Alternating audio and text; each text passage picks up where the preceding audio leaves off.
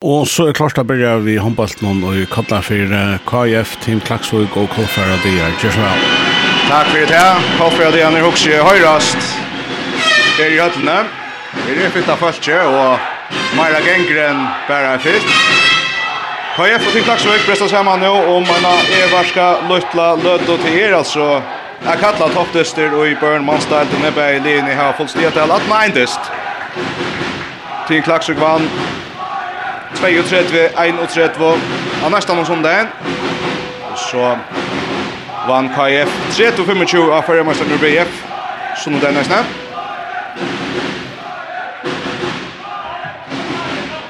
Og etter ikke bare toppdyster, så er etter den første dysten etter er, jeg synes kjærlig KF har vært tåsar opp med den der største favorittene i år, og til Klagsvig her hever Eisen pratar inte om att man vill ju att han kunde spela sig mitt för att det främst ju komma och ända spela i andra första i Steva Cupen i landskapet i Labaon.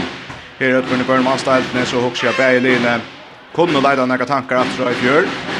Ta i i alltid till Klaxvik. Ska minnas i hötten. Tim Klaxvik vinner två till start och sist ända jant. Det är ena stige som KF Bjerga sig fram där. Gjorde så att till Klaxvik till kunde röka KF fast stiget hade KF. Eh vi säkra sätten så som vi har en av fjärs. Spalde sig och Spaldes sig i enda spelet till Klaxvik måste jag så tagga. Tacka för vi femte platsen. Vi får första börja på ena vägen.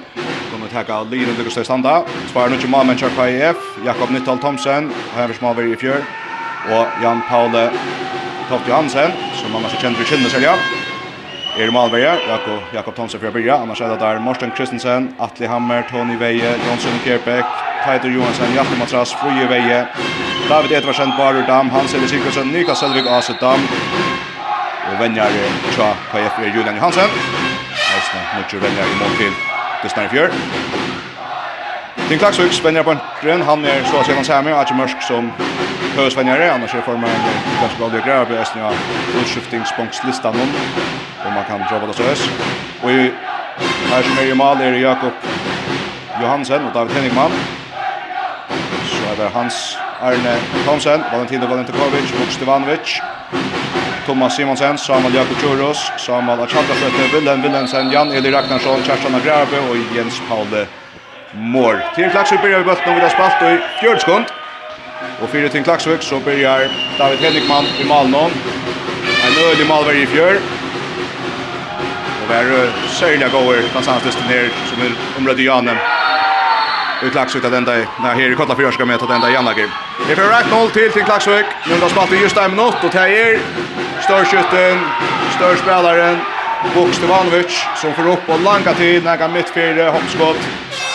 Bakta så jag med den så och langa bulten under tvärs sig ju in. 1-0 till till Klaxvik. Bokstevanovic i Malmö. Och i mål tjam, KF är Jakob Nytol Thomsen. Så har vi spelskiparen David Edvarsen, Ulli Avers, alltid sjolver. Så vinner bakke Hans Eli Sigmundsson, han får bara skjuta här David Bjarkar til Klaksmannen, så högra bakke är alltså hästen her, Morsten Kristensen. Hon tackar igen för att sätta som ständer alltså av vänstra vänche Tyler Johansson. Vinner backen Hans Eli Sigmundsson. Amin David Edvardsen. Och högra backen Morten Kristensen och högra Og høyre vantje på dem, og inn i strykene er Tony Veie. Og han får få bølten her. Han får få bølten her. Skåra, men det er mest altså det er 2-1 til Klagsvøk, til at nå mener Lass Liedla. Rettingen fra Kvarvær, Alin og Tjapp. Kvar inne Tjapp, Kolfring Gons, og skåra Vukste Vanovic, enda den affær. Og etter Han har lukta fint det så fra, og så langar han bølten i kassan. En øyde spelare just nu, Vukste Vanovic. nu skåra tverfer i det. Skåra i Dennis i høtten og fyrsta verden mot nästa någon. Senaste vikskjøttet som det var det.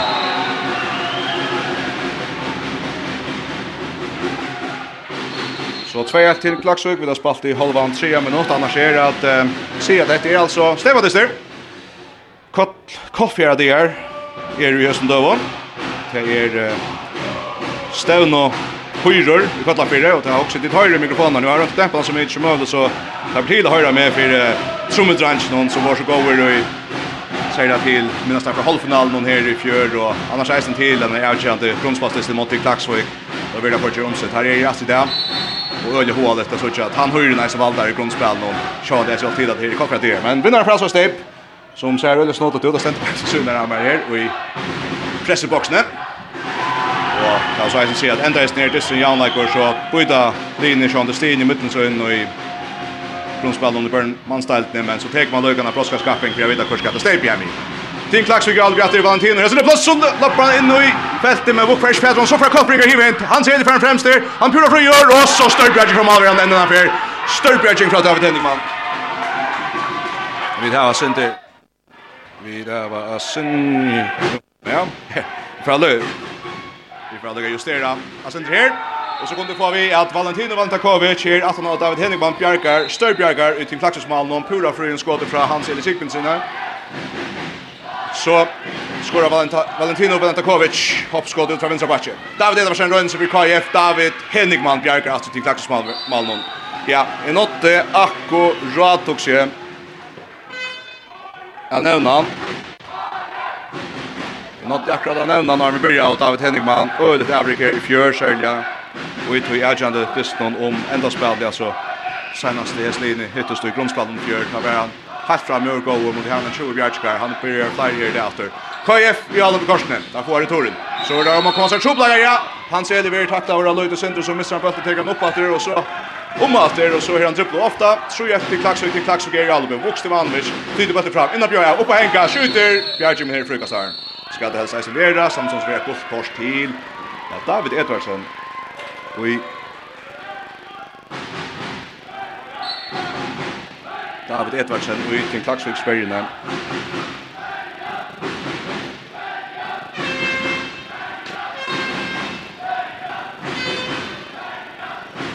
Tim Klaksvik, Atri Alabama tror ju Erling Klaxen vill ha spalt i 4 minuter 4 sekund. Vilhelm Wilhelmsen har högra vånche till Vuxtevanovic när det högra batje.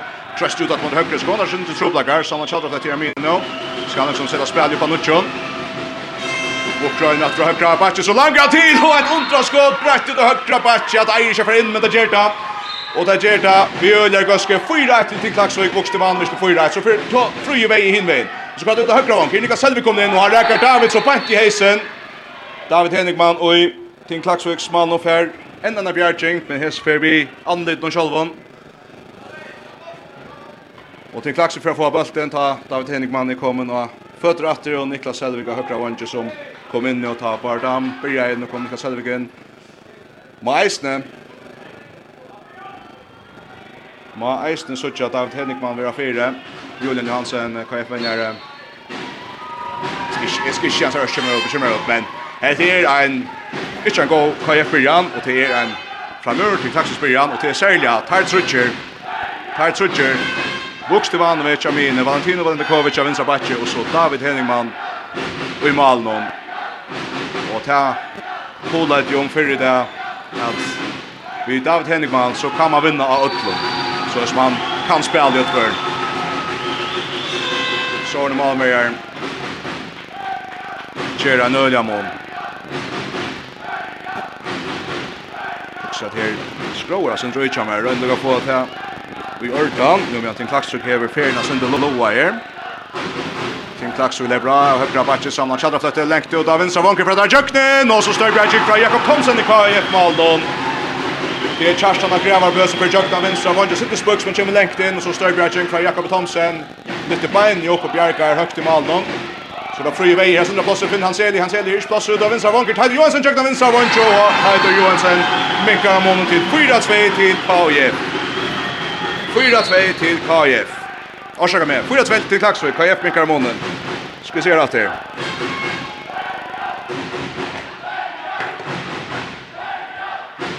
Så kan hatt av Hjolte, jeg synes det var Ljøy som er. 4-2 til Tinn Klaksvik, Tinn Klaksvik, Atri Alupe, 6 og en halv minutter, men fint mal få På låter jag KF så då vann tid och han släpper allt och långt in tacklar han och tacklar han och så kvinnan så kommer metern upp på Henke och så langar han bulten i trygganten. 5-2 till Tim Klaxvik Valentino Valentakovic vi en normale. 5-2 till Tim Klaxvik och i måte KF. KF har en skifta ut uh, mittel varje allop alltså fri vei er inne i varje stöv och så Morsten Kristensen kommer in. Och högra bak. Og høyre vangen Niklas Selvik, Amine David Edvardsen. Og det er Nikolaj Amleikar her. Og ungdom Hjalta i det aldri her. Hjalta Matras og ei helter Andreas Nilsen har vi sett vi gjør. Nekka Lana takk av i kvata fyrir og ja. Men så trykker David, Morsten og Selvig. Alt kom nu Danmark. Så jeg kan tro at jeg finner Lama leikar här. Det är så att Morse Kristensen skivar spel nu till vinster. Han ser Eli Morse fram åter spelen mot han. Kör här sina plats kan fram till vänster. Det är nästan så grudging men här är broadcast. Vi har stoppet så mycket väl i jöknen. Här är vi så ut i Klaxisbergen kvarska förjum. Tar skulle ansa i som för någon.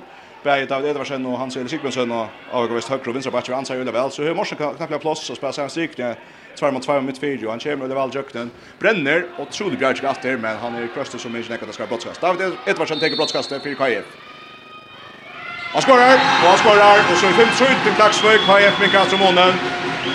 5-3 til Klaksvøk, HF Mikael Simonen vid David Edvardsen.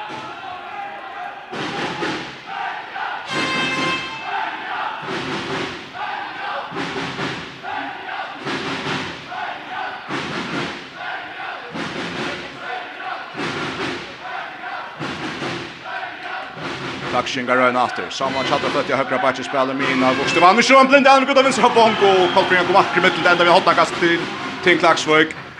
Han røyna en øl i alvering fra min av vinstra vong.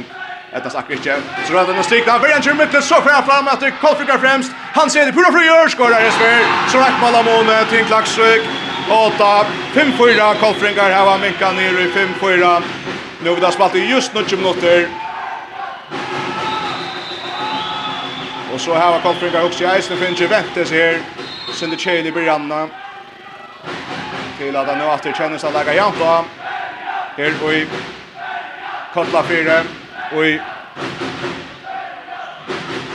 Gå og hør noen, oi, så røyner det for at Astrid til Klaksvik. Valentino slipper inn noen sørger meteren, og så langer han til. Og Jakob Thomsen i KF-mann, han spreller, og færre ikke fædre av øker den spølten. Hatt det rett. Ja, jag brukar alltid vara ett missil så kommer det från Valentino. 6-4 till Ting Klaxvik. Och i halte är vi där bytta så kristlig att det är Troy till Valentin och Troy till Vuk. Det är 6 Ting Klaxviks Malmö. 6-4 till 6 4 Til Ting Klaksøy KF i Albe, Morten Kristensen. Stepper Atlan med Jøkner og tar lån innom så kommer til å spille. Og så blir det brottskast. Og Ting Klaksøy spiller han ikke nøkter, men ass, her var innanfyr. Sporninger tar halda ganske, her var utanför. og jeg tror at støvn var avkrat, jeg vet ikke. Tar ut for en ikke samter. Kolfringar sjån og pura samter. David Edvarsen vid brottskastet nå. I måte David Henrikman. Rønner ned David. Og tvørsa Jota utanfor atter, og skorar. David Edvarsen etter retur. Og så er 6-5 til til Klaksvøk. 6-5 til til Klaksvøk. Til Klaksvøk i Alubet. På EF er skift veriskap nå, brått ja. Nå er Niklas Selvig fremst, du er nær 5.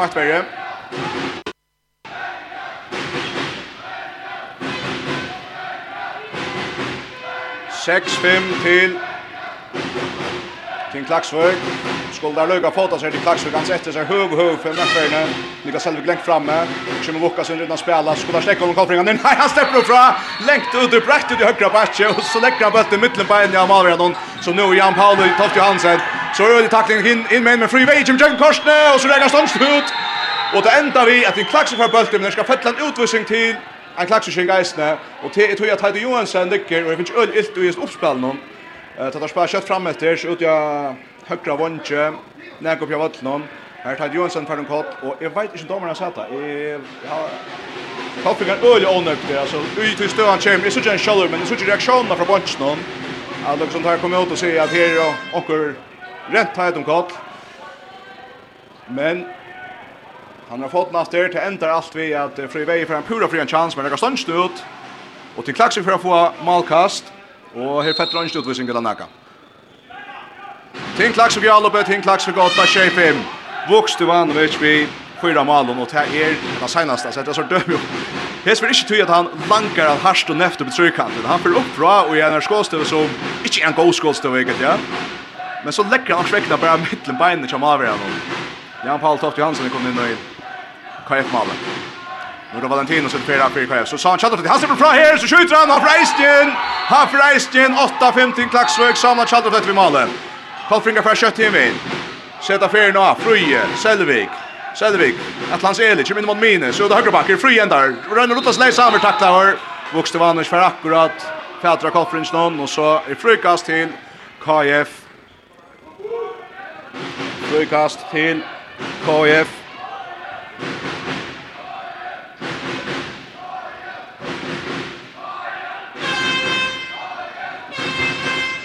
just det börjar lörsta så er sövan kanske det som Onkrej hoa hålla jag om Arn att här är Malmöver och två backar chatta taxi som är en öjn och stöje. Ska ske där bäst i förrjon men han man varit rätt för det allra bäst. Här hans ju på Henka och så bjärka Malmöver att hans Eli färra pura fritt skott. Upp på Henka på en så är brottskastlinjen. Men eh, David Henningman ville bara rött och söjer så bjärgar han foten och bulten stöcker ut linkas så på jag för han åter. Men eh, Ja, det är bara man har Bjarke uppe för en touch för när det och till klax och över. Skora fem för när. Ganska gärna det går lugnt mycket. Och för Bellman helt när han Bjarke. Och för Morse Kristensen, åh han har kommit till där men så för Hans Arne Thomsen och i Mivernicha till Klaxvik akkurat färdra mucha danska Barston tja Koffringon och Julian Johansen hattar akkurat så och säger nej hattar man snyggt vi nu tar en timeout. Timeout Tidji Kotta fyra, til heimali KF som er med Tidji, her 8-5 til Udelig ur team Klaksvøk KF. KF skal prata om Tidji, KF skal finne der kursi. Ole kommer fær bølten fram vid David Hedingman og i, og i Klaksvøks Malno. Vi tar lukka hver stola sendingen. Håndbaltren av FM1 er sender i samstarve vi, Faro Agency og Vestpak. Og i drotteren av FM8 er sender samstarve vi må vi.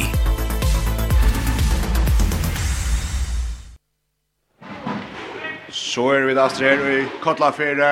Kottbringer henne 20 sekunder etter at Prato i samstens rønn i at snujtja med sånn malskjøttene. Jeg har problem med pennen om. Men jeg kan si det så snøk om de høttene om. Jeg har alltid hatt vokste vann med kjønskåra fyra mal. Samal og Tjaltna fløtt i 1. Og Valentina fløtt i Kovic 3. Det är så åtta shot till Klaxvik. Så det har det för halta med till. Eh, och lyckas skruva ner här som blir efter.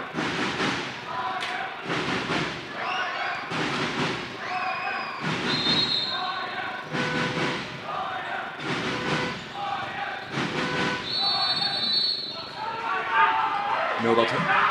Just som vi gör det här så för KF att tråka. Tar tråka simpelt han skaft in i världen chatting klax ut här missa bulten vad det falskt kan kalla det Och i den så man chatta för att komma att få alla kan chans men tar vi en ans från Bjärching. Ja, kanske skottet sitter inte så åttaliga som han ville. Jan Paul Tott. Johansson vid Bjärching.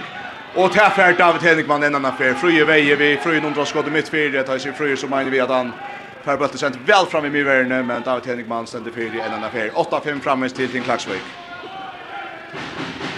8-5 framme till Tim Klaxvik. Kaja Fjallbe. David Edvarsen högra backen till Hans Eli Sigmundsson mitt fyra. Per Morsen Kristensen. Han har pass. Fröje Veja vänstra backen. Innan hjälpa till här och så finner han Hans Eli. Hans Eli släpper efter. Frutt upp och hänga mitt fyra och HSV färan bulten i Male. Hoast David och Tim Klaxvik Malnon. Hever hoet av spötten, han har i knä i Malrenden. Och i skiljer väl att han släpper det till. Detta ska du alltid lova Hans Eli, men vi man också är shot till Bära mot David, han bjärkar. Det är Jack och kanske heter Kalater. Geva till tilltäckna hål och Chakaye. 8-6 till Klaxvik, Vokle, Breyer, finnes han, Kjallfløyt, han pula fri, Prattlam inn, Jøklen, så skårer han. Nudge 6 til Klaxvik, samla Kjallfløyt vi en av normale. KF, pressa tempo ju. Ut til vänster. Han ser det. finnes Selvik av høyre backe. Rønner Ruttas läser fra Vox och Rönnar finner högra vänster för Odmen här i Frukasaren. Dant Edvarsen og Selvik skiftas under i mitten. høyre vång, høyre bak.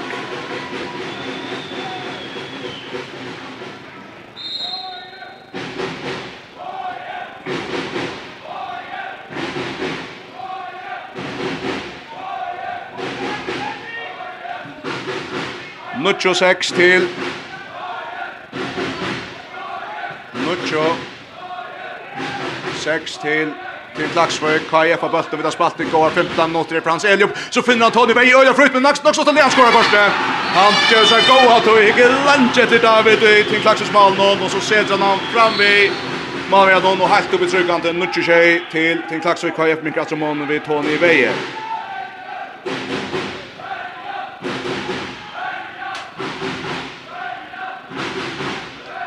Nuccio. Shay. Till till Klaxvik, till Klaxvik i alloppe. Och nu här var Kolfika just där som man kanske nöjs att jumpa till Klaxvik. Här sent tvär mans fram. Inte mans Sverige men ut att tagga emot Bok och Valentino. Och tätnas nu Jerry Bok är stupet och just nu han det bra. Så kommer fram fram efter Kolfika ja, att göra tagga fruka så ska han stå. Men det är en öde dyster. Det är otroligt spännande och ta upp reisen vi att det är Happy Kolfika Kolfiken är otroligt gott. Kolfika det är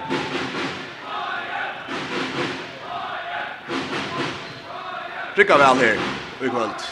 Det er som Stefan Dyster, et som heter fram och så är Stävnene. Stävnene Dester. Vinnaren är därför Stefan Vi. Her er Niklas Helvig. Oh, han stod ut till läsen och sväckte oss og bjerget kan ta med brottskast og her skal han nok heist kastrera. Niklas Helvig for upp så ut i høyre backen oppe henka, sveimand i mot mine. Så dribbler han seg läsan och så han fänkar så rullar han så läsan korsarna. Och Oxräknaren kom jöknen, Oxräknaren är brottskast.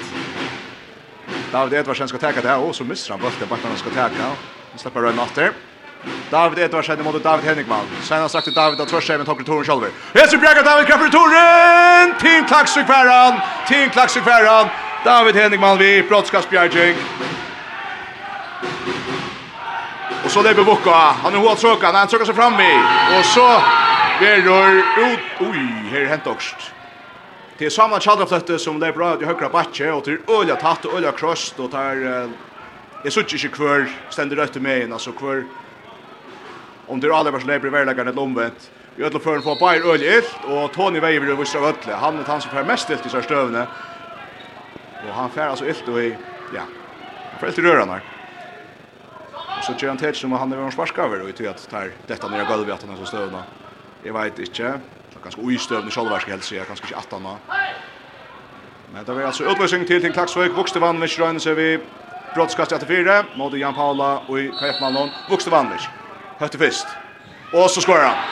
Putcher sig till Team Klaxvik. Putcher sig till Team Klaxvik. Och tanken som är färd alltså bara efter till i fjör minst här här. Det var några dramatiska dyster här i Kollafjärden det er 16-21 så til, til Klagsvøy. Og det er det dyster. Enda er vi beina til egen korset for jokker hendt jeg har søkt, og jeg minns ikke hvordan det er. Men ta at han dysten tar 70 jokker til Klagsvøy, her skulle tegas Olivera. Og syren tar at han finnes David Henrikman i Made. Her skulle, her skulle han stegas Olivera ena for en. Fruje vei, han, Atlas er en stokk Olivera til nå. Inna bra vinstra backe, höttra center, enda in minen, så släpper han fra och så langar han bulten. Luxt upp i målåtne. 28 till till Klaxvik, fröje vägen med Karamona. 28 til til Klaksvik, det spalt i 8 minutter til Team Klaksvik og i Meirluta og i 1 minutt av træt. Vok Stevanovic skipa spalt. Det mest eisen er at Kolfringar faren innan verja. Og så at med en det som tar man for å teka møta Vok Han sitter hakka vet nå. Og godt plass ut i høyre Willem Willemsen jukne. Nå står Sørma for det.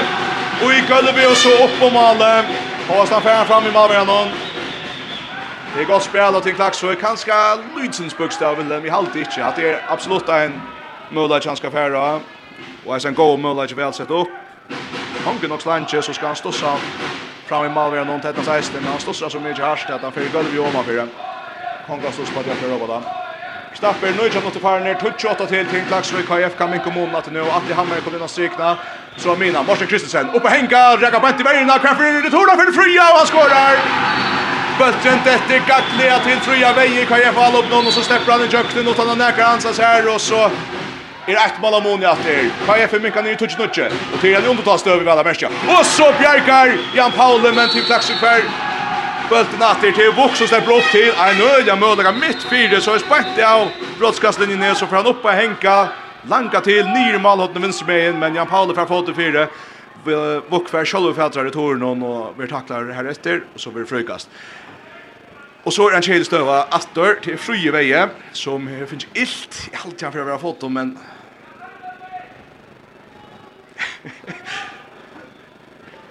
jeg vet ikke hva man löser sig i radioen. Han er helt etter man luskan, ja. Det er ikke samme sted som bror. Ja, jag hade är sin bench vet att tills man luska ska jag köra fria. Eh han förlåt att det är ja. Jag vet jag vet jag vet inte. Jag vann det inte. Men man är så slukt för. Jag mest köra det. Han kör. Han kör ju stäcker. Och på nära. Nära vi. Det går mycket skulle ska Mara Karlsson fucking ett plats med de sår. Ein Karlsson skjutte. Här är ju att för Valentino Vandakovic. I halta glöm Ansen att nu Karlsson han stepper upp och så kommer den minsta backen och så långt han så långt upp i målhotet som är Herbert till. Ett minut till till Klaxvik. Och i hinnan någon för Morsen Kristensen och Karl han ser ganska överlagt sent i andra där. Tar det Karlsson guys vi och till Klaxvik men vill jag vara vid att han tror jag väl.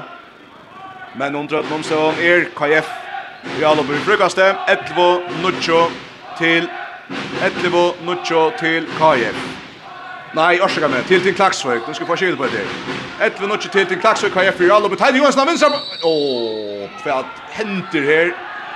Teide fra spølt i malen, men her er uh, spjallet er fløyta livet åren. Så her kommer en tvö skakbølter fra min i om han har vannsjen. Og Teide Johansen så helt å tro så. Han er vinst vanker nu. Skåra väl där av Ørnum Sønne. Men han slipper ikke standa i stedet. Det er Morsen Kristens Rønn som mitt fire. Han rekker oi! Oi, han rekker oi! Vergerne så støkker han lengt opp i loft. Og bøtten i hodet dette er David Henrikvann. Men her kommer Selvik flikkvande. Og jøkner Maltaien. Han forsli han borster. Og så enda bøtten atter. Og i anlopnen Jack Paef. Og jeg vet ikke. Jeg halte for litt anlopnen kunder, ikke? Jeg vet ikke. Morsen Kristens Rønn atter. Her er plåsig. Innan stigen. David i jøkten. Og han får bøtten i malen.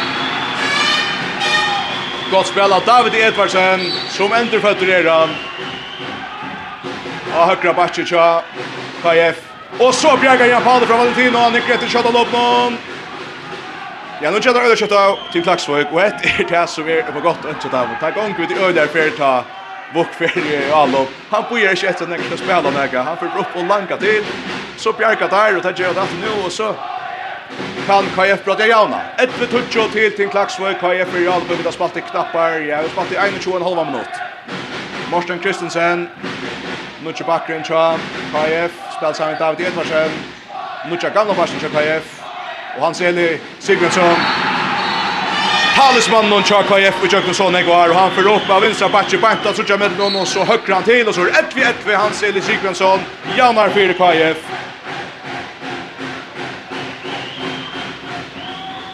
Och ni skött när jag helt att kalla David Gamlan här, alltså jag stannar Tengren Morsen Kristensen.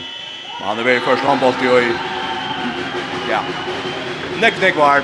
Ett två ett två knappt 2 minuter fram ner till Klaxvik Sjön inte nökter här mest han last i halvt där för 1-8 när 1-0 till 1-1 här var framan för vi 3-4 mål det mesta. Fyra mål. Team Klaxvik tar ett timeout ska prata här och Nu brottliga så är chefen för att skora Luis under bättre på David Henningman.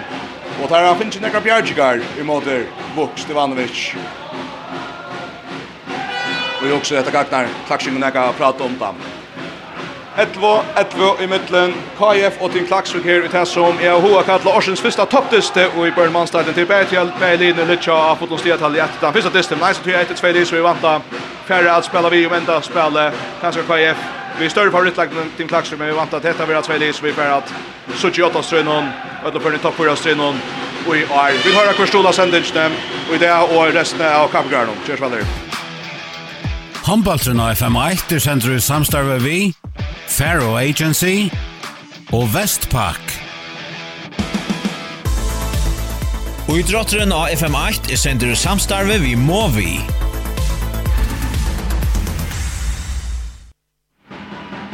Så er vi datt i høttene i fyrre. Trom og dransner. Seta fyrre after av verna KF. Nå til klaksuk fyrre allop her. 11, 11.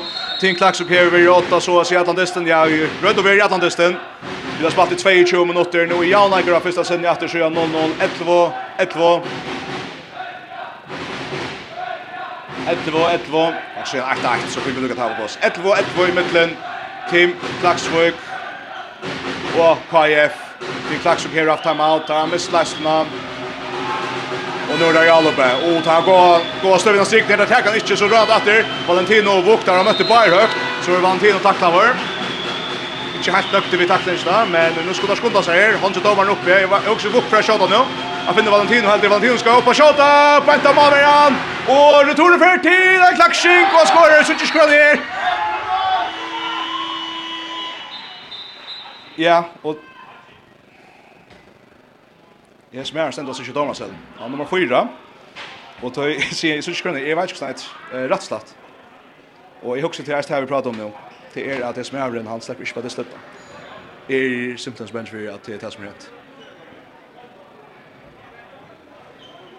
Godt karst. Ja. Han skosser da. Er rett av oss tror jeg at det smæren er ikke dommer selv noen som skorar, och jag vet rett att slett ikke hvordan han heter, Jag känner han inte så väl.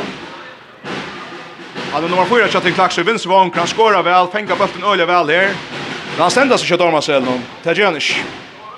Eh kan ska han har namn, navna, skapt nummer,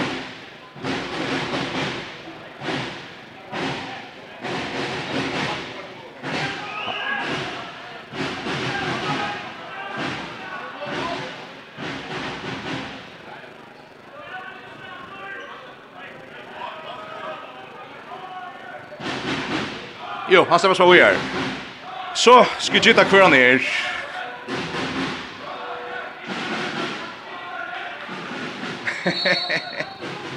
ja, ja. Vinstrang till Klaxvik, han enda vi har släppas på Weir. Är det nu när domaren på det? Att de har bara Thomas Simonsen som annars skrev nummer 20. Så Tenda vi målet, og alt enda godt til Klaksvik, og tenda ikke verden at bonker fra Guldkors, og det er som så han skal sige. Og så fer, og han ser det i Sigmundsson, oppe henka, og etter at ølet mål, ganske etter best ut av her, vi er 12-12. I mittel til Klaksvik og KF. Og Vuk han stod utsleisen, så han takla vir, og det er en rødt takling fra Tony Veie. Han var pura frujøkken tok seg, og svekta kjemi Tony, beint i mittelen just starter och sent. 12-12 i möten till Klaxvik och KF. Till Klaxvik och Alpe. Valentino vi tacklar högt.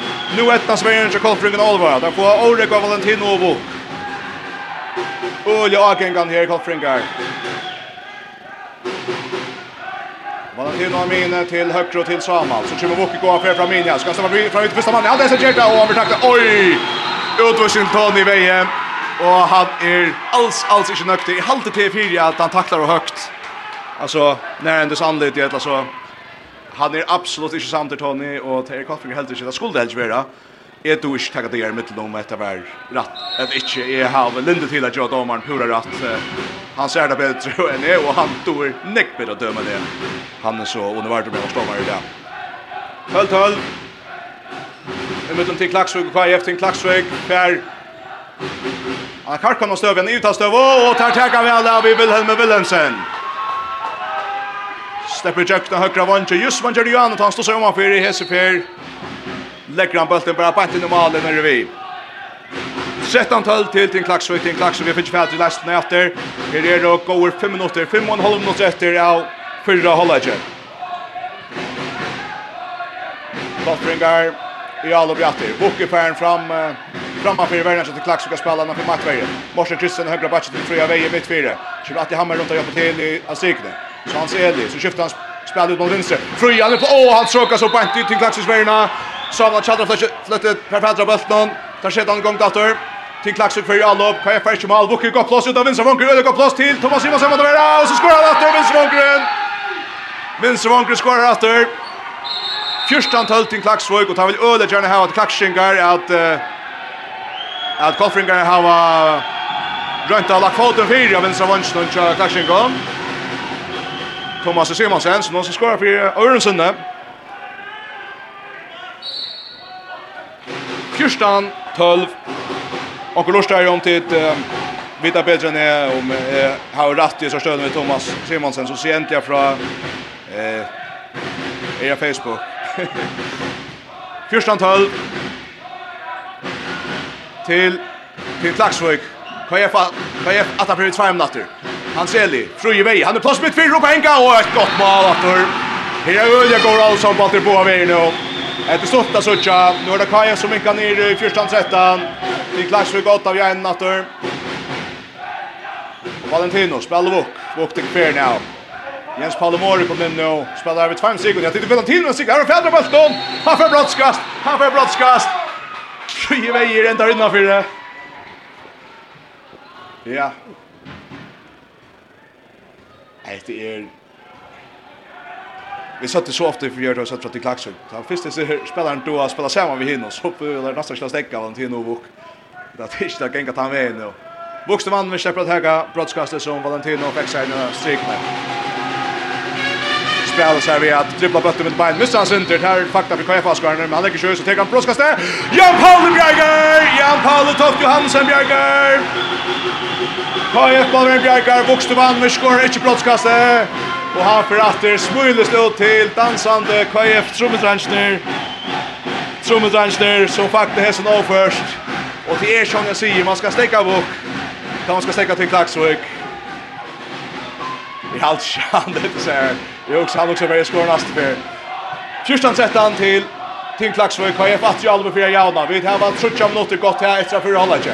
Tru i veia, sindra plåsir, David Emerson, att romsi, ah, skulle inte gjørst, men spil kvar vi er korsen nu innan mina fruje, undra skott, da, stunds du ut, da, kvedder han till Klaxvøy för han. Han langar ett öligt undra skott av sted. Ja, finnes en textbra fra en någon Tim Klaxes man og han sier, jeg purer alltid til Thomas Simonsen, det vinst vongtja Tim Klaxvik Han ska si at det er mer som, ganske kjent hva som ikke vi det, Beiner Hansen, han skulle altså seks mål åt spil senast. Men han kan så fakta som, fekta som av Valentino Valentakovic, Sjukor er et helt, helt øyligt mål nå. Han har mest så spakka seg inn mot KF-merne, og så langa bøtten av standande fot lekt upp i andra hånd. Vi har sina skrua. 15-13 till till Klaxvik nå. 15-13 till till Klaxvik nå. Valentino Lendakovic. Vi ända normala. Och her, ja, jag alltid sier, han säger Leon, detta heter ju det öraste i det. Att det ser så latt ut och det er, han skruvar och sväkta, lekt opp i hotne. Åtta man skulle tro at han äger vandiga för. 15-13 till 15-13 till till Klaxvik och till Klaxvik för andra bulten så han kan åt Ferdinand. Klarar han den nya gjør han! och så missar han ut korsene. Han slår bulten lösan, han tan bulten danser av sylinjene, och så just da Samuel ska få Petron och så är han färdig utsida sedan. KF har bulten at och släpper vi sketchstone här trycks ikke mer i om att till Klaxvik att lägga att böt upp i tru mal atter.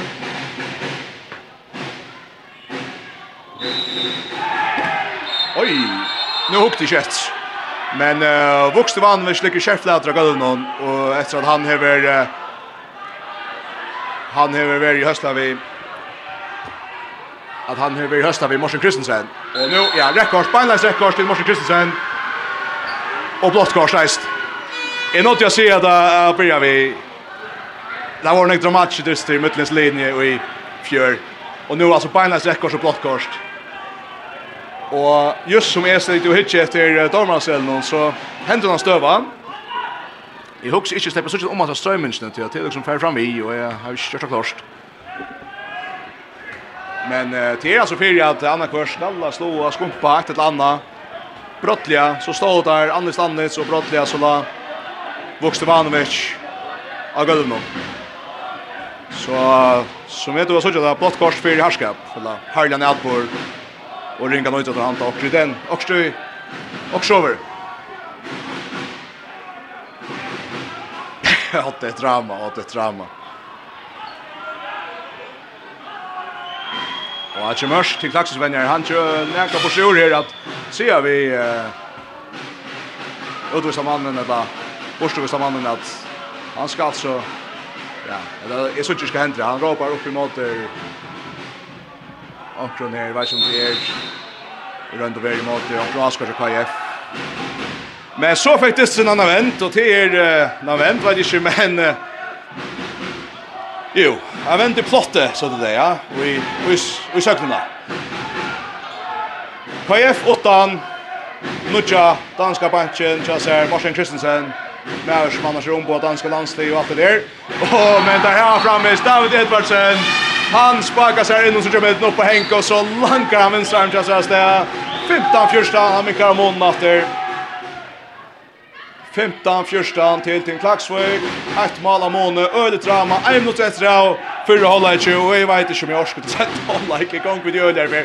Nu spelar väl Klaxingar Willem Jöknen han skorar 16 första till Team Klaxvik. En minut efter för hålla i 16 första till Team Klaxvik.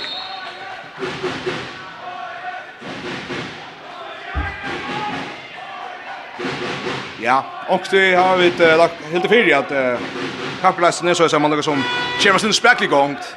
Det passar inte. Så här är øyne trusta, och han skal plass noen, og minst av øtl noen. Øyne, drama, øyne färra. går håndbolter, Och så sitter och rejdet vid kvarskans, jag vet inte. Kaja Fjall uppe, jag synder trovla gång, Niklas Selvik ska komma runt av Vonsson, jobbar till backchecken så får han se i bulten, Ströna smöja sig i jökten, han får inte snett sätta med i jökten, frikast till Kaja Honja domaren uppe i världskottar efter er. Niklas Helvig ska täcka skott mitt fyra Det gör näst nice. Så får fintas i lejsen. Och plockar fyra. David Ferran. Och så Atter. Så är det Atter i östläge. Koltbringar och klackskyggar. Och tar vi... Åh, där skår du sista sekundet! Nej, han är inte inne. Han är inte inne. Han är inte inne. Hållagur, 16-14. Hållagur, 16-14.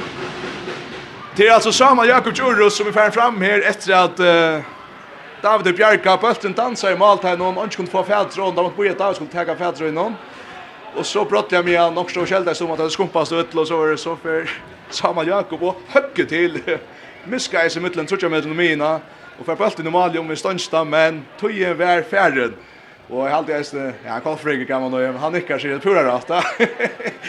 16 fjørstan til til Klaksvik her, at han fyrre hållager i Kotlafyr, og det er en fyrre holdlager som, ja, jeg har börjat løsa, men det var ikke noe hos, det har vært vi fotlare fyr, det har vært vi knallhøren skåton, høren taklingen, det har vært vi en av ørkene av Bjergskån, særlig Klaksviksmeien, Och det är vi en ren kors till fyra och som luktas vi att här en sambrest omkring slä eh är klar bara så att det är några som heter ringer ut och till så man ger ut av fyra Jag vet inte om det ska slia skumpa skalla ett eller annat. Jag sa det alltså att vi ska kanske ge mig sånt att hänas inte att spekulera när går i kvarta vad som hände. Jag vet för en fick Marcus Christensen bena säckost och blått kors vi har stöv vi här. Vuxte Bokstavligt brott ända i golvet.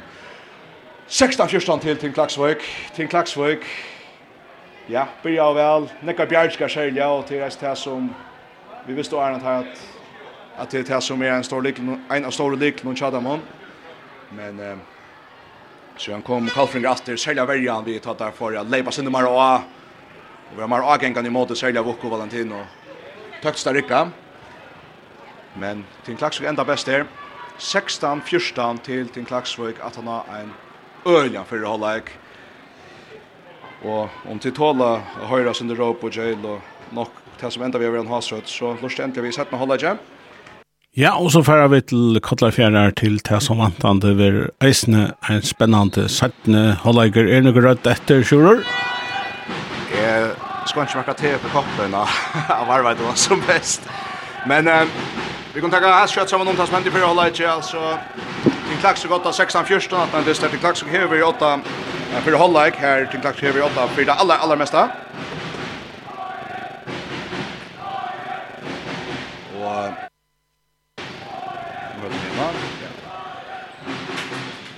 Och som alltså den stora dramatiska den stora dramatiska stövan tar vi ta Morten Kristensen backren backren Kaj effekt fick bara rätt kort i den stöv här han står Anders Lannars vi Vukstevanovic. Var en tackling så blott jag la och köttlat och så ända där vi Han måste för Grekkorst och blått. Det är alltså fyrt här att tar helt till det kvarnar så hej så lugas som maskerar han i an i andra till pannorna vid bulten hon. Självon.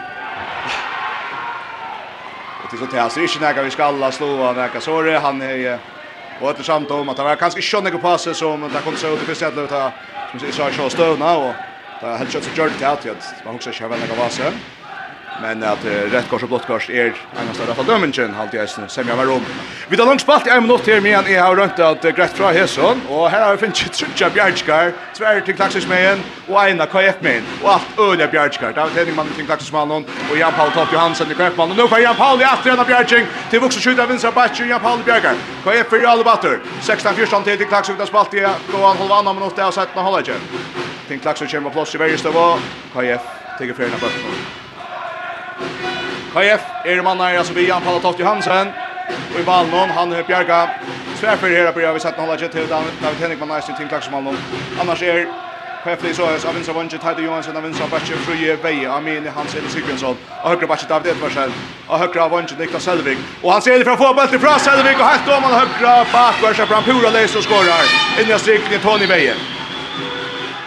16 15 til till Tinklaxvik Og KF byrjar, eller fær fyrsta mali her nå setna halvleikje. 16-15 til til Klaksvøk. 2 minutter 20 skum færen av setna halvleikje. Hans Eli vi søgn hon, det var fyrsta mali i dag. Han kjør toppskilt der, Valentina Vandakovic for 6, Bokstavan 24, Hans Eli hever 5, David Edersen hever 4. Oi, nu får det 18 Bjergskjær, Kolsfrigar, Jan Paule, i början som ett avlöj och i KF Malung i dag. Eller sätta hålllägg, ska jag helst säga. Johan Johansson kan rösa dörr. Nej, det känner inte till David Henningman förresten genom Björkink. Tajde Johansson är spalt och fyra av vinstra vunche. Kjemmer flickar och längt in. Jag vet inte när jag syns att säga Tajde spalt av vinstra vunche. Men jag hade så gott ut Tjodon. Han kan skåra för skåra här. För att jag spelar omvänd och Det kjente känner som at han donan leste til der i røver. Spelar så. Vi høyre hånd hand høyre högre vunche. vannet. Eier av vinstra vunche. För annars nu. Just det. Det är Nick Lana att gå. Nu kan jag. Nu för fria väg på skjuta högra back och Chimmy och lägger ut högra back och Stefan Strömmen och så skjuter in närmast vid David Henrik man och Jonny vi att han nu skulle ettnas KF Jauna Jan 16-16 vi fria vägen. Gott längs skott och högra back. Det är så skott som vi såg av Buck och Valentino Rönn och ofta och ettnas vi. Nu smackar där släkta mediciner i klaxikaldien. Men han ska ju verkligen ha i det var.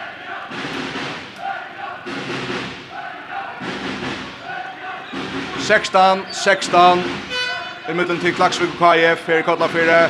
Klaksvik skynkar i Ralupi, tar missa bøtten ut, tar missa bøtten ut. Så får Kalfrika fram, kunne leggja seg åtta, tar ikke vi i styrstun. Han selig, han er påsatt av en jøkne, og han, han skjuter fram i, han skjuter fram i.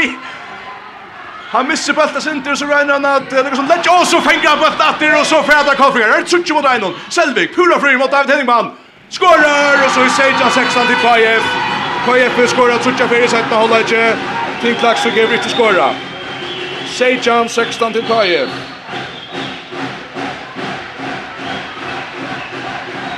Fyrsta mål i där tja Niklas Selvik. Klaxinga skiftar ut. Jens Paul för den hans Arne kommer. Eh Klaxinga man har sjösa till David Henrikman i mål. Av vänstra Vonche Thomas Simonsen. Av vänstra Backe Vuk Stevanovic, Amin Valentino Vandakovic, han har Vuk skiftat ner i mars. Samlan Chadra flytte av högra backe och högra vänster Wilhelm Wilhelmsen innan stigden nu Hans Arne Bjarnason Thomsen. Så för Valentino och stigden fram och det Jan Palme vi en här i öjen där öjen där öjen där Bjarchik. Hurra för er. Så kör man ut och i strikna etla batchen som ändrar den strikna till klaxi all surround after night där får bulten kan jag till ner! Tar rum och finna Thomas Simonsen i gång. Man först Pedro bulten och så får Karl frigga fram att det är 28 vid 2 mål. Petja där. David Edvardsen. Undra skott. Bant in. Taxinga Shova. Bulten langa ur undra skott in vid Stönsta. Och ett 16 till KF. Där får du från Hollagstövne. Det är 18 4 16 14 til nu at na 5 minutter har sett hålla i vera 8 8 16 og her er timeout til Tim Klaksvik og her er ja Vi da røy i Tim Klaksvik strunka hon Eh, tar här onökt vi Gustav Varster och Kalagera. KF får just här Björn Byrjanna som tar välja på sätt med hållag. Och det här är Sörja Orsaka av Björkingon från Jan Paula Toft Hansen. Det är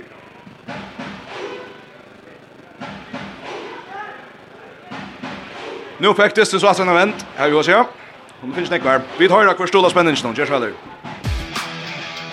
Humboldtren av FM1 er sender i samstarve vi, Faro Agency og Vestpak. Og i drotteren av FM8 er sender i samstarve vi Movi. Så er vi datter her i Kotlafjere.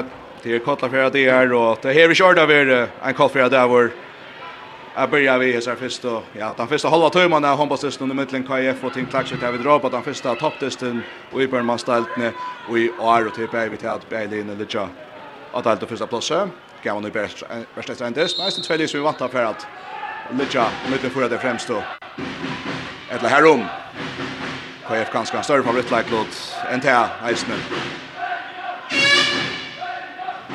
Det har sagt göra kommer. Fantastiskt Oscar vantar med åt landslistnar. Kan bara ta ont vi. Det är över Ulla där. det ser som ranchen från KF. Till klaxar här så Prat om tension nu. Här är ända 18 16 och spelar 8 Atlant vägen var 8 16 14 i Hollandston. Nu att han knappar 6 mot 17 Hollandsje är där 18 4 18 16. Nu går det så det gäller i nu alla men där var det bulten. Hans Arne Thomsen och Striknen spelar upp till Vucka vänsterbacken så var han så ska skiftet komme her. Hans Arne ut och Strikne. Och det högra bak, så kommer Vucka mitt fyra. Koffringa checkar sin framåt mot Valentino fra åter Vukka og Strikne. Valentino in mot Mine finner samma samma til plats så för den. Han vil krøste sin ut efter men Frank Schmidt lagt han. Och man får hött ja Jan Paula och så är Arjan Sejan till Så är Arjan Sejan till till Klaxo og till Klax. Nej, ja, Arjan Sejan til KF. Och att han till KF, ja det är sina vänner skriver man sen nu. Och att han till KF, men till klaxen kan nu föra fram igen och det är hämtat två tekniska fel i en och KF. Fyrst feilar bulten borster av bakken hon, altså bulten støkker ut linkast. Samstånds vi døpt august uh, inne vi til klaksismale, og halte at uh, Kolfrinkar og Vona kanskje tar blant bjergar av støve. Nei, her er omkron innanfyr, så her er givetrak. Så til klaksik fer bulten åter og kan nå jauna til Ajan Ajan. Her Ajan Sejan til KF, Vi har spalt og i knappar tjej minutter sett med halvleie, og i drama noen. og i middelen kolfringar og klaksuskinkar i på en mannsteltene. Da første er vantande flere i år, og så fer han kolfringar om kolf inn i strikne, og tøymer stekka og her skal jeg prata. Det er Hans Arne Thomsen uh, av klaksustrikne som uh, er involverad vi fria veia det, og jeg halte bare at det var dømt av frukast til Klaksvik og så ser jeg der lukka noe mot ansettekon, som ikke skulle gjøre flere rei og blakvarsk til det. Her er vokst Ivanovic oppe hengt inn og strikta. Han sarn for Øle på Fjeltron og frykast, og frykast. Han får ikke vente seg korsene. Øle var fengt, skal jeg si. Øle krøster, men han får ikke vente seg. Frykast til til Klaksvig Tidjer. Bukken av Bjøyau. Finner saman alle plass. Udo, og det blir spennende å vinne seg. Thomas Simonsen skårer, og så Rajan Rajan. Tjej minutter farne av settene. Holda ikke, og så Jana Gratter. Rajan, Rajan, Thomas Simonsen. Tria mann til Thomasen. Finn Klaxer blir fram att det är gärna 5-8 vi Vuxte Vuxtevanovic helt lägg fram i hästna. Ja, och det Orek han ser helt upp i själva minen nu och så skär han det går igen. Och han blir affär bara skälta domaren och då spelar vi här. David Edvardsen högra backen. Lägger trust in i måte. Ska lasta mer komma. Här är fri väje. Innan Björn ja, släpper han in i första Douglas Nilsson har gjort där innan. Ut igen då ja. Det blir utlösning till Vuxtevanovic. Fri är för innan Björn är mot och släpper fram i honom. Och så just som man ska skriva sig till Santa Petter Leisan så vill också släppa allt igen.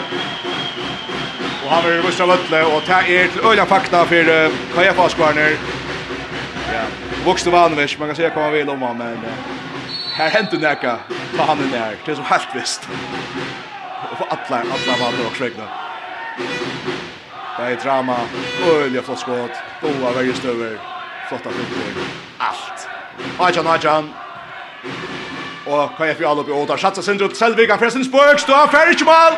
Det er vi kast til, Det har vi hodna kastel KF. David Henrikman Bjergar. Det er øyelig plass David Edersen høyre batje, men uh, der spiller heldig bølt om han Selvig, og han fyrir nega buks, og fyrir spølt malen. Patrick Gavara med bølt da. David Edersen oppe skjøta, David Bjergar! David Henrikman Bjergar fra David Edersen. Så fyrir han Aspen Bjergar. Kroatiske malverjen tja Tim Klaksvøk. Han byrjar distans som er veit ikkje kveld. Og har ikke tala Bjergar men mengar var der. Då Vi hade åtta när kolla då. Nu det som kurra ja. Ajan matcha. King Clark så jonde tal det att Jamal Brown ut. Tar fram för fram till Valentino ur spel någon. Finna så Samal. Syskar, Samal Jakobsson kommer in ja. Samal Jakobsson, Samal. Samal flyttar finna alltså. Samuel Juresom in och Björn och håller till norska stockar men så vill han tackla och vänta. Frukast till Kim Klaxvik. Valentino för att få bollen frukast. Kommer de uppe Valentino går pressa så Samuel Jakob.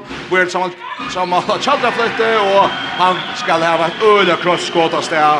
Och därför väl och vill om man för det. Därför väl och vill om man för det. Achan Achan Kolfringer kommer lägga sig åt efter. Kolfringer kommer lägga sig åt efter.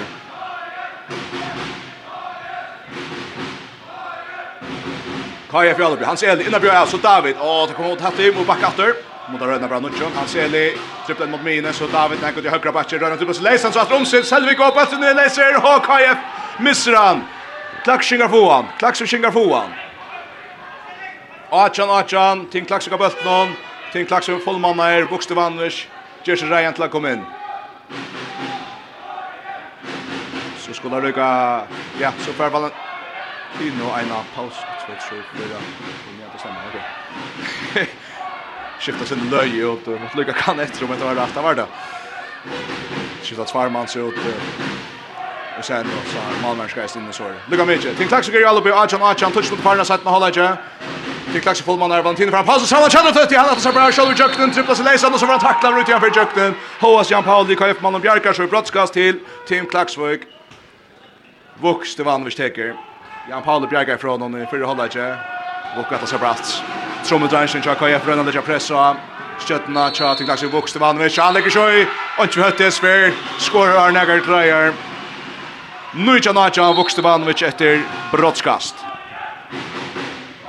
Fajda vera fytta maler tja vuxte.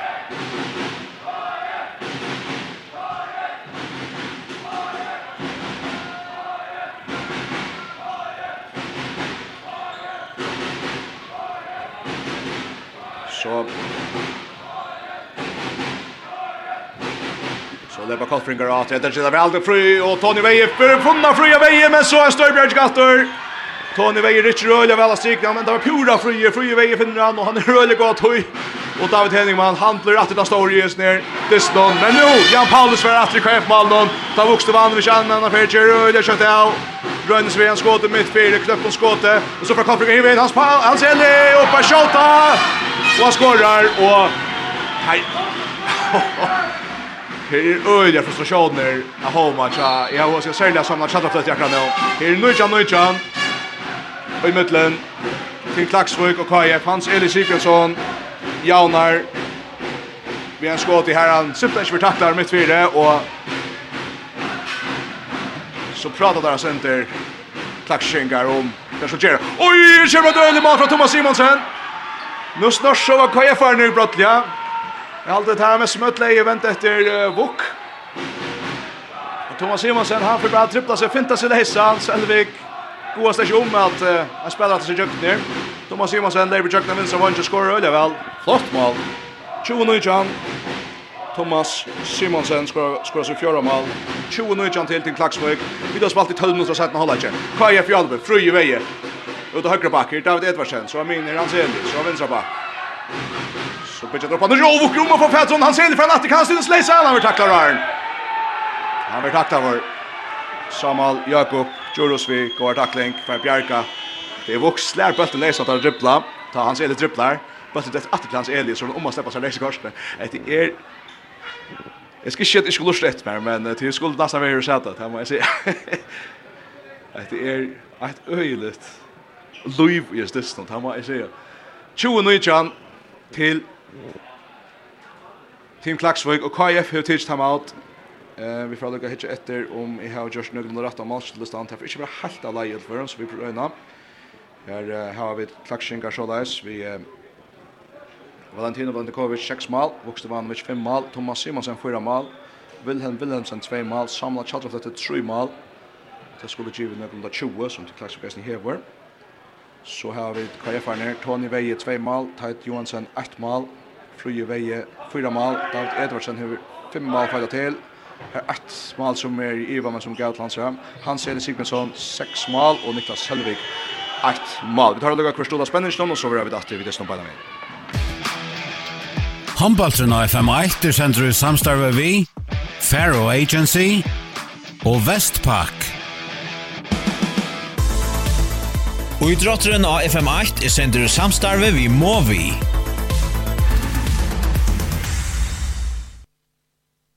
Faxikondi. Sletcher tostan. Takk til Hese som stola spenningen, og nå er vi datter i kottak 4-20, nøytjan til Tim Klaksvøk, og KF atlasserer igjen, og Ted Johansen fyrir sin spuksa vinstra vantje, men han er utplasserer Bøtter fer framvik, Tim Klaksik for bølten. Tim Klaksik for bølten.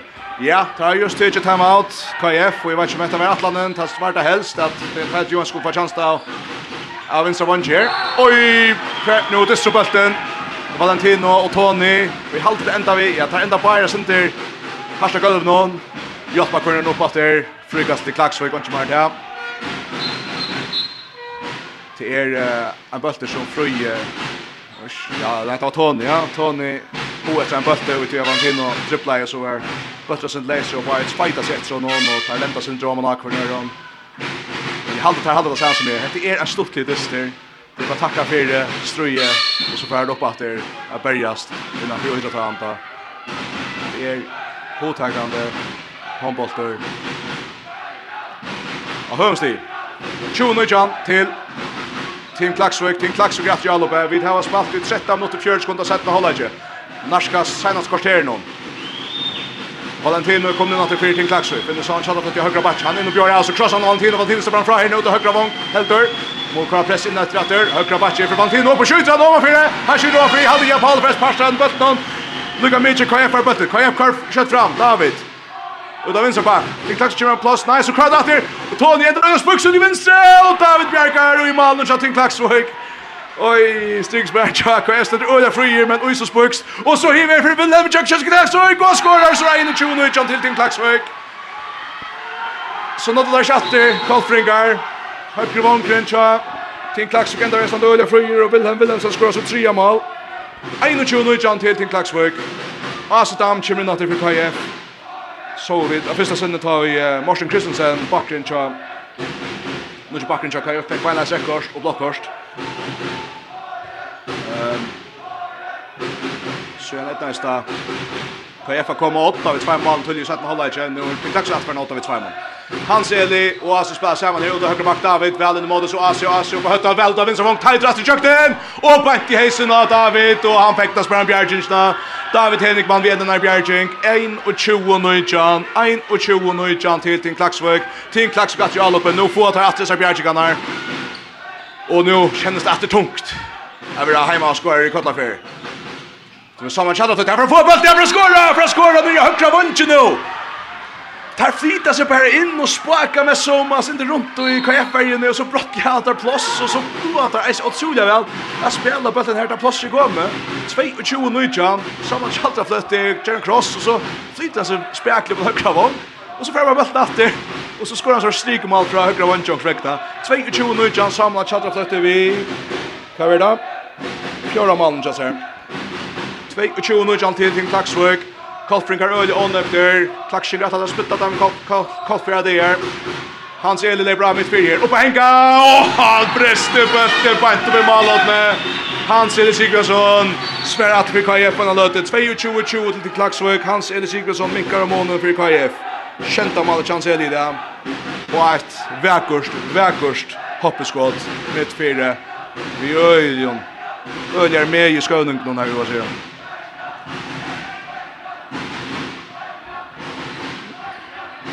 22. Nu är han till till Klaxö Valentino, vi tacklar här, hans Eli ända vi tacklar väl. Valentino att rönner. Så är inte så ölar fair men så är också för rönna snäja så läsan och länka armar på armläsan så knappt chans skott. Ettnas kalfringar som har fyrt her, så røyna kanskje gatt til Sanna Kjallat, det er sinne plass her, og skjuter om för det. Och jag krøst, presset dommer, og så det er makast KF, og så er Vuk oppe og takler høyre med Vettlån, och til en god takling, frie veie, Masan är att tacklingen er går fra Vukstovanovic, och han får ikke en bøtt fram Kjololov, men Kolfringar var vid av bøtten. Klakshingar på plats i Verjestøvån. Kolfringar är på atter. Här har skiftat ut av vänstra vantje, Jon um, Jonsson och Kierbeck på den vänstra vång så är alltså Dama vänstra back just nu han ser Sigurdsson och Marine där blir det är högra back Niklas Selvig högra vång Atle Hammer in i strykning mal framme Jan Paul och Topp Johansson Her han Elia, vinstra back in mot min. Alltså där med som plats efter David. David upp och hänga och på inte värger. Någon till klax fram efter kött fram efter. Och det var smatt Thomas Simonsen pura frier. Umal, 23-20 till till klax vid Thomas Simonsen med sin femte mål i dag. Och ett öligt avrik. Alltså så finns det vank någon som om till Hartlandist. Jag visste inte gång på kännet. Men nu svär kvart för kasten. Den stiger. Och David Henrikman med här brottskast. Här brottskast. David Henrikman, vi större bjärg i hammer, men att lever er fortid skåstøvne. Halte helt inte att det kan være noe i Vjonta, jag vet inte jag halte det, ja det är att han var just så fyrtig så sitt att han kunde bara skjuta et sted i Male, og David läste öle väl men jeg skal selvsagt vara brottskast han. Hans Eli Sigmundsson vi brottskastet, till han som Madrid heter Karl Allee, och där er Jens Jørgen Gåen. Male av brottskastlinjene. 23-21, Hans Eli sin åttanda i dag, 23-21 til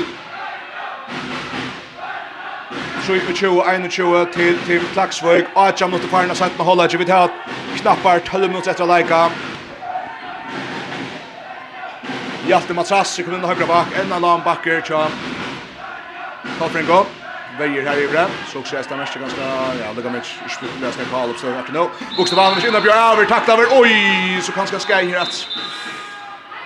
Til evig øyder for, men bresta sammen her. Vuxevanovic inn i verden av Vinserbakke, og han ligger etter av gulven her er Tony Veie, og til også ved beinene.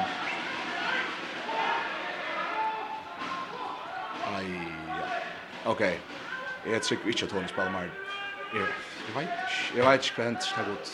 Jeg, til min oppgave å si at det hva henter, jeg vet ikke just det støvende. Det er en sikker avstand til at Tony Veie hever veldig illt, og det er om annan øklen. Så også kommer det til å ta en bekling, og ta kunde nekbent att han spelar mer det. Och han kunde nekbent att Kolfring Graster missa en tujande läggare nu i in i avgörande löten i dysten. Så tror jag att där löter i dysten har känts som avgörande till hur det är en helt, helt otrolig handbollsdyster. Det är så första 48 minuterna och 36 sekunderna. Drama, god mål, god överstående. Det är en riktig björnskompa på OAV. Och nu tog vi värja i stjärnskajen. Ja.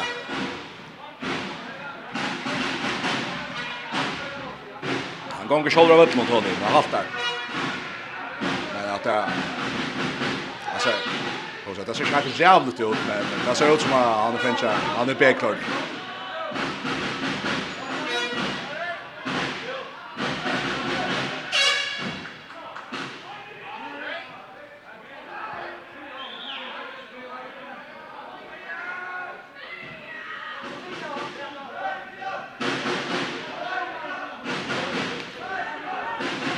diskutera sen vi Domarborg och allt det där om till några vet så att det ska ut och vad vilket så måste boja tror jag alla på kommunen och allt det där det är grejer att när när kan kommunen. Okej, kan jag ta till nu nu för att ut och ta vuxte till Vanvich och Valentino Vankovic på resten spel. Utom hans fredag där. Så där på Thomas Simonsen och där Thomas Simonsen och Så är sin näka vänstra backe fyra. Färra frukast till super att då Mansfärja. Nu får Vuxbulten. Så kan han köra också. Spelar längt ut högra vång. Willem Jackson. Åh, han skorar 3 4 2 1 ju 4 2 1. Willem sin och fjärde målet. Och Vuk fär bulten av vinstra backe. Han hycker inte. Han lägger bara bulten om han högra vång. Och här för Willem Jackson kan jag faktiskt klara på det. Och så köra KFR ner. Sheimans i alloppe. Tänka Malvian ut. Och tar ska skipa sig sen till. Här vid. Här vid köra Kalajera.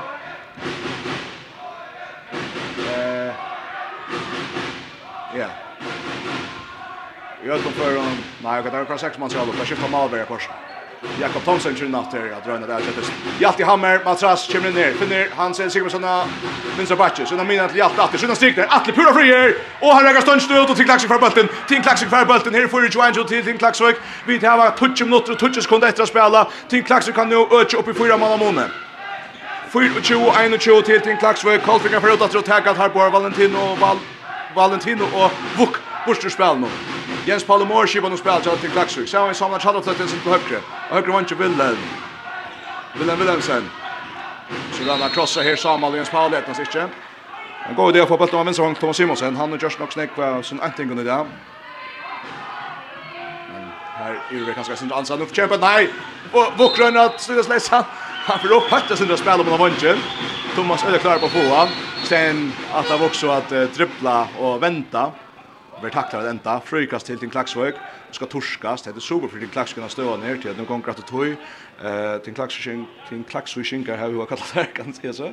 Tar tar får såna luft nu åter. Det er att det som har mindre bredd. Alltså det är smälar i hoper väl och vidare. Men det är så ovan nu, 4-21, här är Nutsson Holmes rätter. Och Kofrika får fädra bulten nu, tar väl fyra fyrt av skådet kommer. Bulten stöcker läser, Niklas Selvig finns gift. Han får alt gott. Kolfringa fram. Fyrir Mikko månen. Tim Klax gott av ett Simon. 24-21 til Tim Klaxvik. har spalt nu i knappar 21 minutter. 90 minutter tjak. KF Jag venta. hesa gångna och Nutch mot läs chat in clash chat Arba Elliot och så Ivis i sjuja där sände till Klax och gå Ivis skjutna Ötlo Milon. Där kommer han och töjna. Han nutch i Abjare, tills visst. Niklas Henrik upp och hänga och har räcker allt först och så räcker nackan av Malmö och normal. Bøttren stöcker i tvärs tjej och ner i nacken av David Henrik vann till taxismannen och så fer han. Och i Malmö. KF minkar månen, 4-2-2 till till Klaxvøk. 21 minutter, 30 sekunder i klokkan, 8 og en halv minutter etter. KF ut ut, Hekka tar bor ut, Vuk ovan til og til ut. så da Willem og Saman er i høyre spela saman. Samal, du trust inn etter. Så utan vänster var Van. Thomas Simons. Åh, kan fick til? mitt, kan fick få bollen. Kan fick få bollen. Så skulle han slappe shot och lopp. Etnas, klaksing out. Vi har fyra fist i att låta kommer på här snart. Fyra och tjoa. Två och tjoa.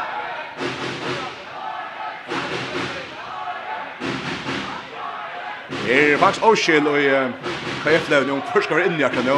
Nå får det så skift atas mann sin. Er fri vei av vinstra batje. David Edersen midt fire. Niklas Selvig høyre batje. Han Hansen i kjøpelsen av vinstra Bonju. Avverst. Han kommer rundt. Det er ikke Så Niklas Selvig har mine nå. Stod til leisan. Vi taklar vel av Valentino. Og så Robot Etkornøren, Atli og Niklas her. Jeg har ikke ordet av Kilva katt avtalen til dem ned, men nå halvdelt her finnes du vel her. Nå skulle man røyne opp. David Hagrabaschi lekkere ludetrus. Så Niklas Selvi går for innan till. Krossar till. Fria vägen. Stämmer ut. Visst mannen. Stefan Jöknen. Frygast. Frygast. Och Kolfringar sier at her er vi taklet opp i anledning til Fria. Jeg vet, jag hade ikke dommeren sin äga. Ja, han släpper han. lukker som snäger sig från vid första mannen. Så tvajtar sig in. Så luckar där fire klackskingar. Och... Ja. Man får ilta slöjkon. Men det kostar sig att vinna. 24-22 till Team Klaksvøk, KF i Alope, her er best go shameless etter. Så kommer det rivgonger, så Selvig, vi krøst ut her, rekka six som ett i heisen, bøtte stykke leiser her frukas til KF.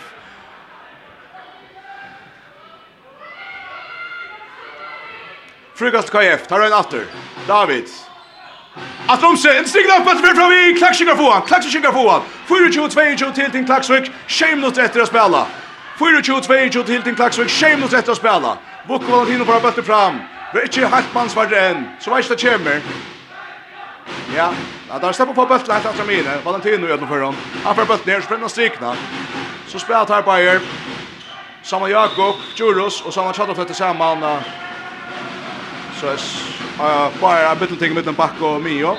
Och så får det frykas. Och så kan Vuk få bulten. Så dribblar han alltså gementlon. Allt samma. Vuk får bulten åter. Innan blir jag. Stefan Vian manne. Stefan till läge. Att han drog det och spatt vill för han. Och Jakob Bjerker i kampmålen. Stöbjärg från KF. Kolfrika får en chans att träd. Fri vei, opp og henga, og i male, og så rett mann av måne, 24-23, Kolfringa, etter seg sørste øvende, Fisk kommer til klaksen, til noen pura fria støver. det er fantastisk alveg, en krav med Jamine, helt om en høyre vong, men Jakob Thomsen i KF Ball og Bjarkar, og så gong kjøtt med veien, fri i veien, godt trist av vinstra bætje, oppe henga, bænt av 3 metron, Nu kommer det ska ta vi alltså kommer det att fyra mål ta in några mycket och så i 4-3 ett gott skott. I am not efter. I am at Malamone, at Malamone 6 mot efter. Halde mer det går. 6 mot efter at Malamone till Klaxgata 4-3 5 minutter og seks og 4 sekunder etter just i Hesoløtta. Klaxing lei bort. Vucke bulten. Färd av tre. Ransan här gavlan till og Studas läsa kon. Next shift her Så sama in i måte. Så at sama Jakob. Så väntas här. Hjalti Hammer matras Vi går tackling och i koppar över nu. Och så färdar Sindro Kott ner. Ja, som Jakob är där som Dessutom Kott, frukast till Kaxner, Tidje, Björnskattor och Kvarfri Böttre, Kott fick få han, Kott fick få han, Vuxtemann vill tjoppa, Henka mitt fyra, Jakob Thomsen bjargar, Og så kan KF jauna. Vi tar just 5 minutter etter å spela. Kolfringar spela for jauna nå. Per kunne skåra tre mål i Rætjas her. Det var 4-21, og spela for 4-24. Kolfringar. Det er Johansen kommer i natter. Det ska hans ena kim natt av Batchen. Höjde skiftet från Kolfring det kan så att han så jotta mon. Där här var Mara skiftet ut vi. 4-2-3-2 til Tim Klaksvøk, færre enn 5 minutter etter å spela. Hans Eli og Fruje, Tjakaja spela sammen, så Tony og der, så skifter der sinter, David endrar min, så også Jorska henter. Hans Eli er bra fyrst, alt David, så høyre bakker, Fruje endrar, inna bjør, ja, Buk! Buk vi går, takling.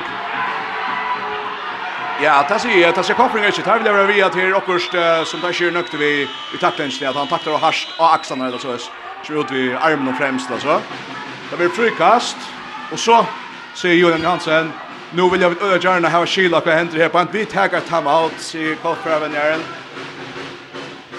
Och det drama 24 23 till Team Klaxvik här i Kotlafjärden.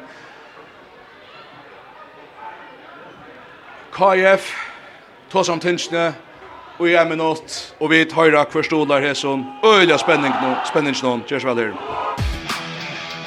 Håndbaltren av FM1 er sender i samstarve vi, Faro Agency og Vestpak. Og i drotteren av FM8 er sender i samstarve vi Movi. Fyr og tjoa, troi og tjoa, til Tim Klaksvik her i Kottafyr. Her resta fargen fem minutter, går fyra minutter etter og jeg distnån. Men just nu, tisdag som at KF som hever tiltekna momentum, men så är Ivervonna som ska till för att ärja dyster. Her klokka sier 25.35, 4 minutter 25 sekunder etter. Kolfringar kunno nu, der her bulten, har tåsa om tinsne etter time out i en minutt. Kunno der, jauna til 24-24. Men vi da ser så ofte distan, er just at det helt rett henter, så henter et annet. 4-2-3-2 til til dags vi Kaja fyrir Alubø, Kaja fyrir Aftur og tar om og missa bøtten der foran aftur, der foran aftur. Så det hans Elia Mine Finns og fria veia vinstra bakke Inna pressa, så hans Elin, nekkund i høyre, David i plass Ut av høyre vank. Niklas Kjøkten Størbrødjing fra David Henrikman i til dags som han Nått kallfringa for aftur etter toren Nytt allop til KF, 4 minutter etter just i Jesu løte 4-2-3-2 til Tim Klaksvøk KF at i Og Ja, det var jant, så borde det stå i mitten så men jag step så ska out out grass det ständigt det det kallar för det här. Och ta tacka några plåska skap. Han kommer ta vi. Han ser ju på en gång. Jalla gol! Fruje veje køyna mine, klosser att han ser ni och så ikke du, Dujas spiller opp på Henka. Aj mot Reinhold og så langar bulten ner till 4-2-4-2 i fajet etter vi har nutchen av Malik hans han. Men det er mykje sannolikt at jeg har glemt å skruva ned, det sannas lötet och ta så mykje spänning i valda. Tack så mycket, Jalupe! 24, 24. Vi har 30 minutter, 20 sekunder etter. 30 minutter og 20 sekunder etter. Til Klaksgatter Alubet. Her var 8, 24, 21. Nå blir 24, 24. Nå skulle det svare etter.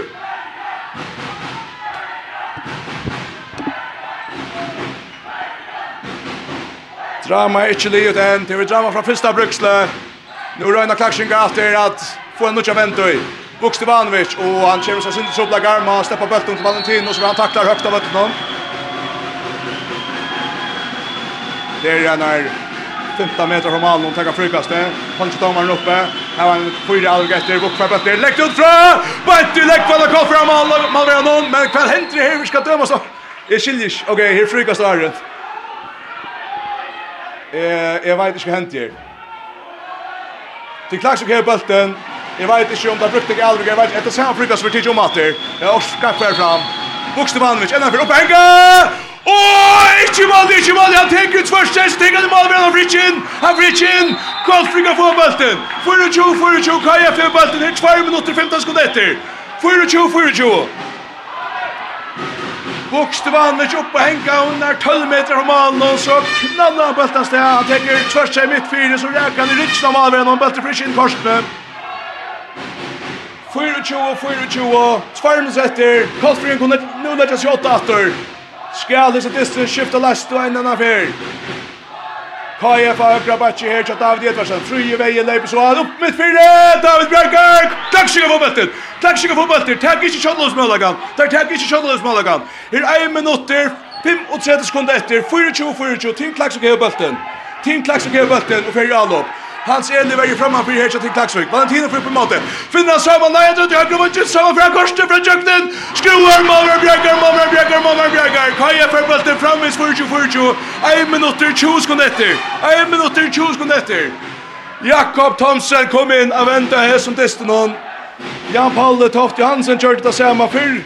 Vi sätter hålla inte. Vi hinner inte ta ut Henrik Josh Schultz.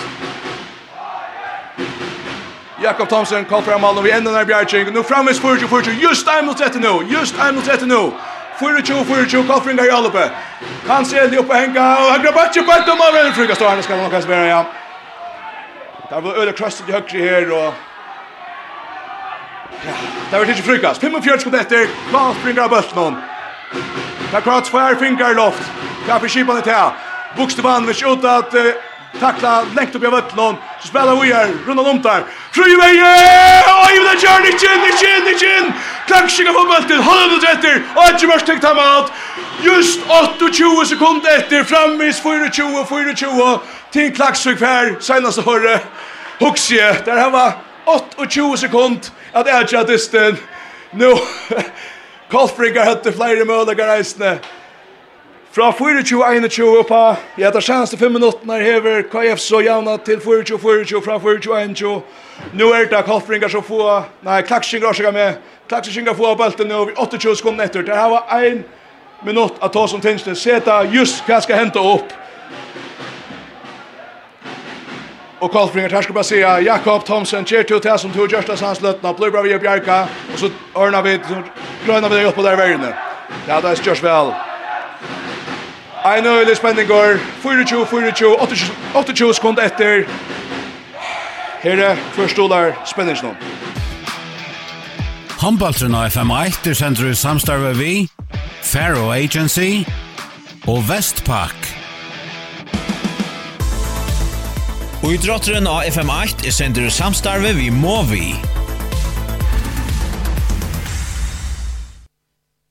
Så för att vara klarst till senast och 28 sekunden här.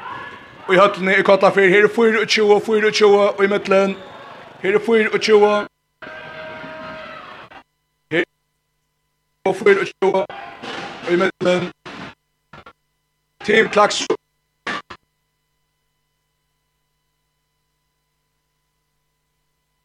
Ja, nå datt uh, kjoror ut, vi uh, vana han var inne etter rattelige kjøtt, i verska svarsta stendte, årsaga åra leie. Håndbaltrun og FM1 er sender i samstarve vi, Faro Agency og Vestpak. Og i drotteren av FM8 er sender i samstarve vi Movi. Movi.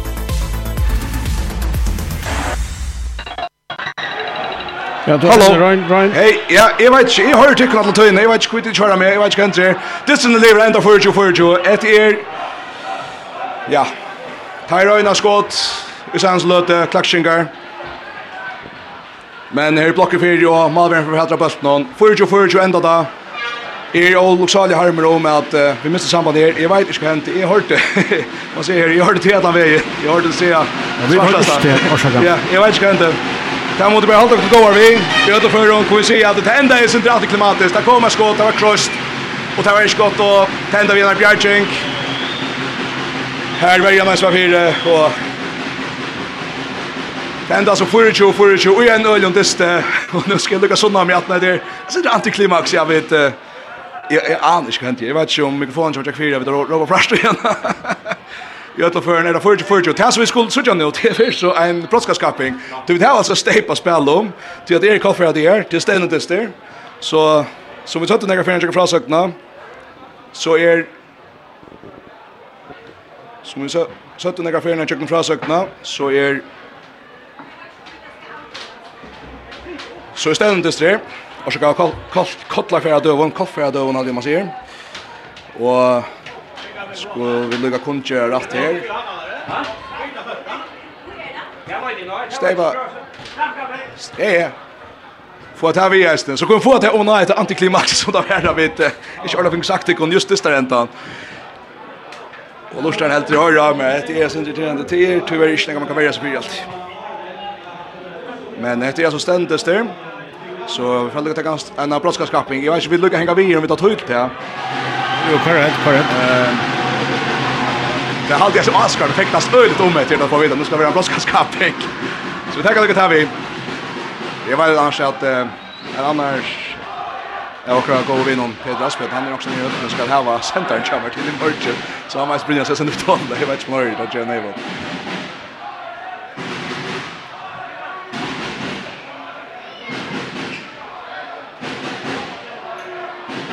Og hevet du kjøttan var for vanlige distan.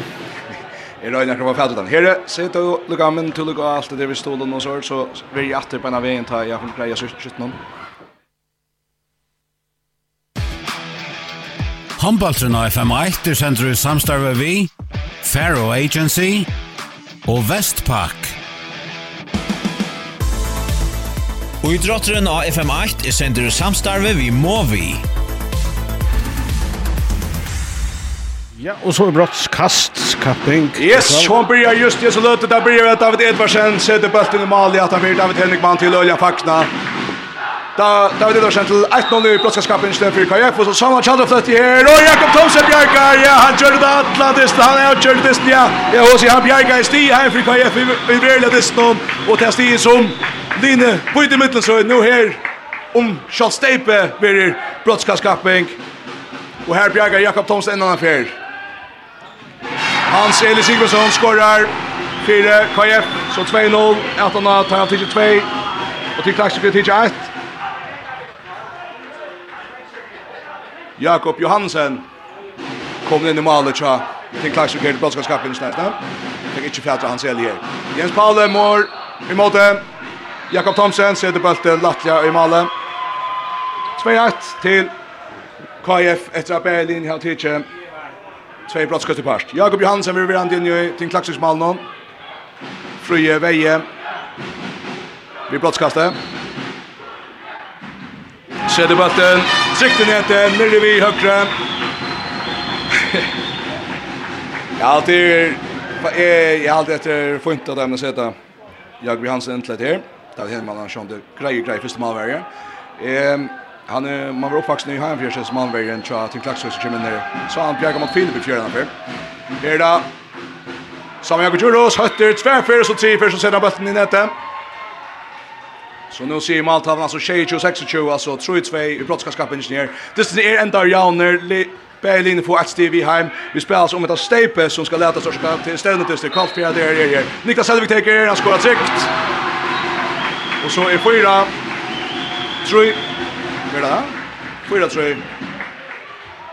Efter Brotskas kappingsna. Det Där mest sjösen till att om inte Thomas Simonsson skorar nu så så färt KF vet att stepen. Thomas Simonsson och Jan Paul Toft Johansen. Och han skorar det hatt rätt. Otroligt flott mål. Thomas Simonsson har haft fram i det. Han Uh, eh är ett visst kan se kan Han hötter vi har skjutit harst i sen han och svekna skruar han, bär skruar han och loppar han fram i malvägen och upp i malhotten i högermen. Så teker fri väg, nej Tony väg gör han kan. Elger här, det ger nästa. Och Kaje färder Stepen. Efter att han vinner 5-4 brottskapskappning. Där får Stepe, så där får han. Där Bjarka och så här, stödena, kaffär det där. Och så tar man väl Jakob Damsen för hand att han nu har. Ehm. Så Koffer at igjen også kan bjerga her. Ting klaks vi atle gjeda. At det er pyros at spytla Kolfring og spille. Men tar låt oss Kolfring få STV heima i HSI. At det har gjørt av seg av at her altså. Skal lukka hitje her ja. Tar foa. Klaksingar foa ønskemål. Etter at ja. Kolf Klaksingar foa ønskemål. At han tar skoet 24-21 tar 22 minutter i farner til etna KF er gjennom 40-40, og Berlin har flere målegar at, at det er distan, men det enda 40-40, et sett øde drama her ut enda for bare kunne bli ombering. Jeg vet ikke om det er skoen drog, så var det aller helst, er det oftast. Men det enda altså vi er noen sindevandaleg som skått jo ikke, som Jakob Thomsen ikke er trobla greia. Så 40-40 etter en halvt øljandist. Uh, vi røyner halvdagen til at uh, velja dagsens leikere. Ehm her etter kvandest. Og ta for er så her vi er gera. Ehm her er boy, boye, vil säga vi kanske kan själva men är Jeg var særlig hotig at Thomas Simonsen av vinstra vannsje, at han var helt, helt fra mye gåver, og det er kanskje jeg sier at det er et sånn overvantar med over, annars er Vokko Valentinosson, det er serflotje, Hans Jens Sigvansson är bäst läggare sambandsmäret i alltid Han är bara en otrolig like lajklod. väl skulle vi måla skora men de måste börja en mycket till alltid också helt inte att när kommer det finns fler han får det slotta här. Han ser det Sigvansson är toppskytt vid mycket mål. Det blir ofta toppskytt om han vill men han ser Sigvansson är dagsens märet i alltid Han körde, ja, utan han så... Så hade det där inte klarat huvudet att stiga hem till Kotlafjörd och Kotlafjörd över någon KF. Fyrtjo, fyrtjo, enda altså her, mittlen KF og team Klaksvøk. Vi er en øyne drama, jeg vet vera at vi samrøn som kjøttast, Vi skal gjøre kjøttet av her. Her er to til Griveløkka som er rett som sjåtast.